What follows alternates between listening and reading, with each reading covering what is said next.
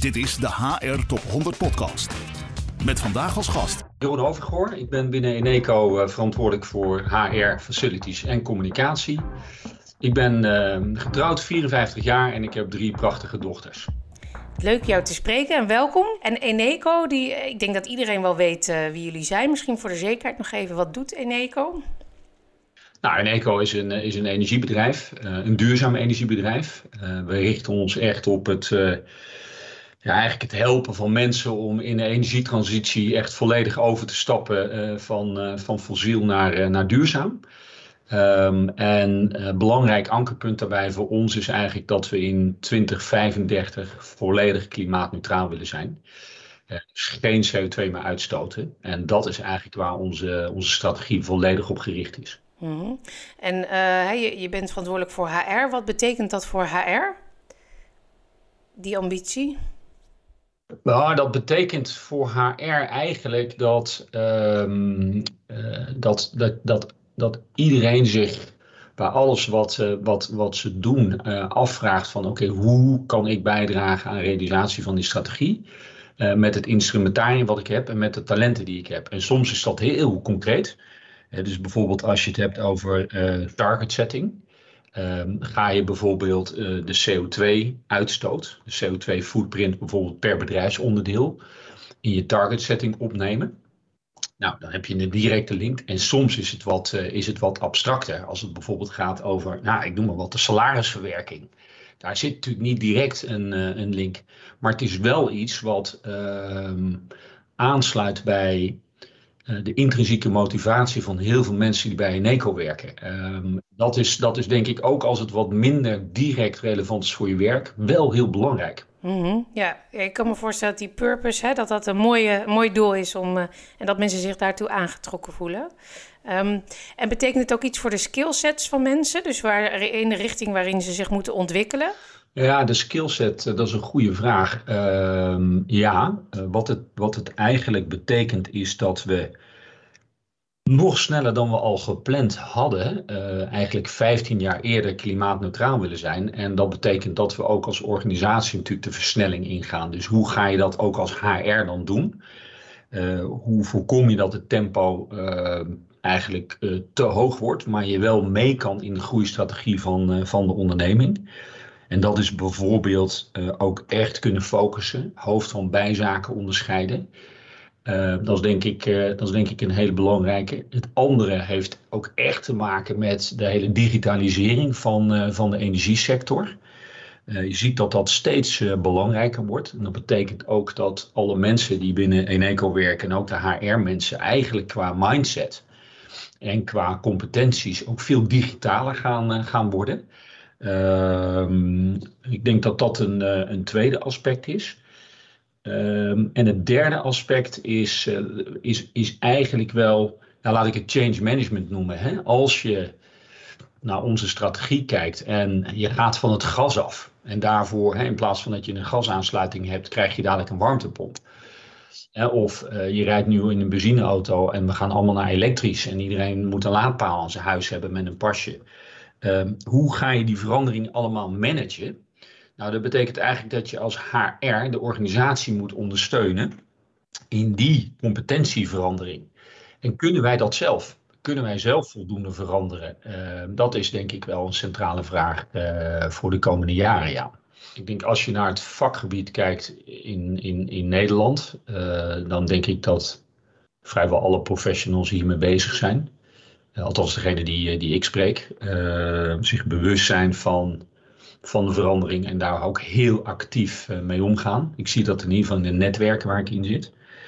Als ik, als ik binnen onze onderneming kijk, dan zie je eigenlijk hetzelfde. Alle, of HR is eigenlijk vertegenwoordigd in alle bedrijfsonderdelen en zit in alle MT's. De, laat ik maar zeggen, die, die businesssturing die daarvan uitgaat, heeft zijn invloed op HR. Iedereen weet donders goed wat er, wat er moet gebeuren en wat er verwacht wordt. Ja, ja oké, okay, helder. En voordat we de podcast aanzetten, gaf jij aan hè, dat, uh, dat je het onderwerp HR heel belangrijk vindt. Hè? Je, hebt, je hebt meerdere onderwerpen eigenlijk in je portefeuille. Misschien is het goed om dat eerst even te benoemen. Dus waar ben jij allemaal verantwoordelijk voor? Ja, ik ben uh, verantwoordelijk voor uh, HR, voor facilities en voor communicatie. Ja, en waarom deze, dit cluster? Het cluster is een beetje zo gegroeid. Uh, ik kom oorspronkelijk, uh, ben ik eigenlijk een, een marketing- en salesman, een commercieel iemand. Heb daarna een aantal jaren ook operations gedaan. En toen Eneco transformeerde naar een duurzaam energiebedrijf, ben ik, uh, heb ik eigenlijk de afslag genomen naar communicatie en public affairs. En daar is sinds 2,5 jaar HR Facilities bijgekomen. Uh, met name um, om um, de synergie tussen die portefeuilles verder eigenlijk uit te nutten. Dat is één. En twee, ervoor te zorgen dat uh, de HR Facilities agenda eigenlijk nog beter ging aansluiten op de rest van de organisatie. En vanuit mijn achtergrond leek dat destijds logisch om, om dat aan mij te vragen. Mm -hmm. En hoe bevalt je dat? Ja, bevalt me heel goed. Ik vind het super interessant, HR. En ik, uh, ik vind met name ook alle, alle mensen die binnen het HR-vakgebied werken, vind ik, vind ik echt heel erg leuke mensen. En ik moet zeggen, ja, ik ontleen er heel veel lol aan. Ja, ja. Er zijn mensen, mensen. Werk, of, ja. Je werk is toch wel uiteindelijk, ja, ik ben inmiddels 54 en, en ik kom wel langzaam tot het inzicht dat het gewoon iedere dag naar je zin hebben uh, met de mensen om je heen toch wel heel, heel, heel belangrijk is. Ja, ja, nee, dat kan ik me voorstellen. Nou, dat onderschrijf ik. Ja, volgens mij geldt dat voor iedereen uh, inderdaad. En, en dat cluster, communicatie, facilities en HR. Als we even uh, terugkijken naar de afgelopen anderhalf jaar, want ik denk een groot deel van jouw HR-tijd verantwoordelijkheid voor HR was er corona. Uh, en als ik kijk naar wat andere HR-directeuren ook zeggen over hè, wat was nou belangrijk in die periode, zit dat eigenlijk heel erg in die drie, uh, in die drie onderwerpen. Hè? Dus facilities gaat natuurlijk over waar werk je en, en hoe werk je. Hè? En communicatie hè, hoor ik ook echt veel meer dan andere jaren, zeg maar de afgelopen jaren, het belang van worden onderstreept door HR. Hè? Omdat je natuurlijk toch meer op grotere afstand zat van elkaar. En elkaar dus echt beter moest bereiken. Hè? Dus meer aandacht aan communicatie moest besteden. Um, hoe zie jij dat? Is dat? Was het echt inderdaad een gouden set in de coronatijd om die drie onderwerpen bij elkaar te hebben? Ja, bij, bij ons was het geen set, was het natuurlijk al zo. En um, ik denk dat uh, het geïntegreerd werken tussen die drie disciplines er inderdaad voor gezorgd heeft dat we op een hele fatsoenlijke manier door die, door die crisis heen hebben kunnen werken. En dan bedoel ik geïntegreerd inderdaad je communicatie, met name je interne communicatie. HR, met name vanuit het beleidsmatige aspect ook. Hè. Dus ik, ik, noem maar wat kosten, onkostenregeling en alles wat daarmee te maken heeft. Dat, dat zijn natuurlijk toch ook altijd een beetje onderbelicht, maar hele belangrijke elementen. Uh, om, om iedere keer goed te regelen. En facilities, inderdaad, vanuit die fysieke werkplek ook. We hebben, we hebben uh, meteen, ja, ik heb eigenlijk meteen gewoon per, per afdeling uh, één iemand verantwoordelijk gemaakt en gezegd: jij doet COVID. Nou, hadden we de drie, die zaten in één projectteam samen met een lid van de Raad van Bestuur en een, een business unit directeur. En die hebben eigenlijk met z'n vijven vormden die het crisisteam tot nu nog steeds eigenlijk. We zitten nu in het najaar van 21. Dat werkt heel goed. En, en um, zou je, is het interessant om een paar dingen uit te lichten over de afgelopen periode? Dingen die jullie geleerd hebben in, uh, in die coronatijd? Ik denk het allerbelangrijkste uh, wat, we, wat we geleerd hebben en wat we, wat we ook blijvend kunnen, kunnen toepassen uh, binnen HR, is dat, dat het superbelangrijk is om te midden van onduidelijkheid en onzekerheid um, toch je strategie te bepalen. En te weten waar sta ik nu en waar wil ik uiteindelijk uitkomen. Uh, zodat je met elkaar weet uh, naar uh, welke eindsituatie je eigenlijk wil werken. Waardoor je heel veel alignment hebt met elkaar. Ehm, dat, is, één. En twee, vervolgens te bepalen wat zijn nou natuurlijke tussenstappen. Wat zijn natuurlijke mijlpalen om dan te bereiken. En daarmee krijg je ook een soort fasering uh, in je aanpak.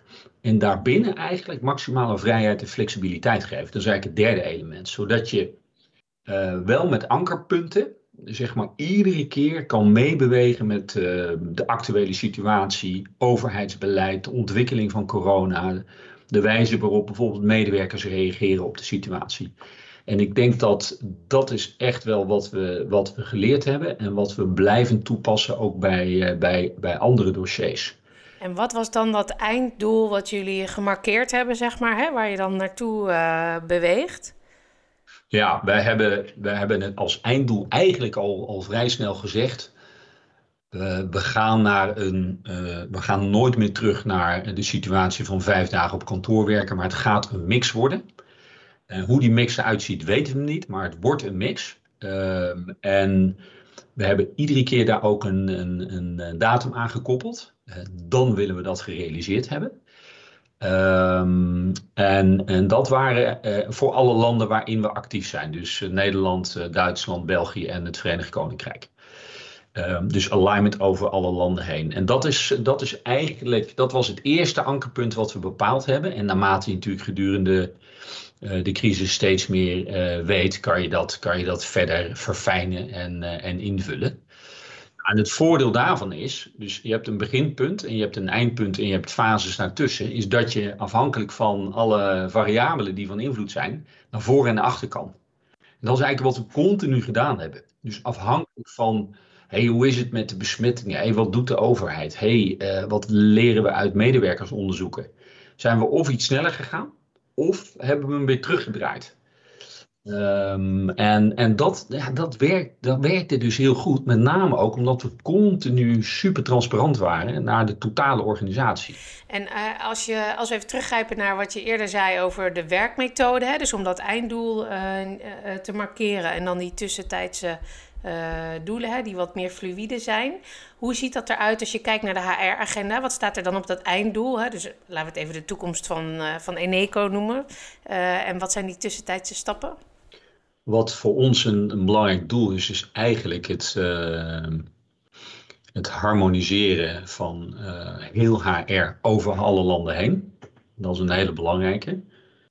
We zijn van oorsprong vrij decentraal georganiseerd.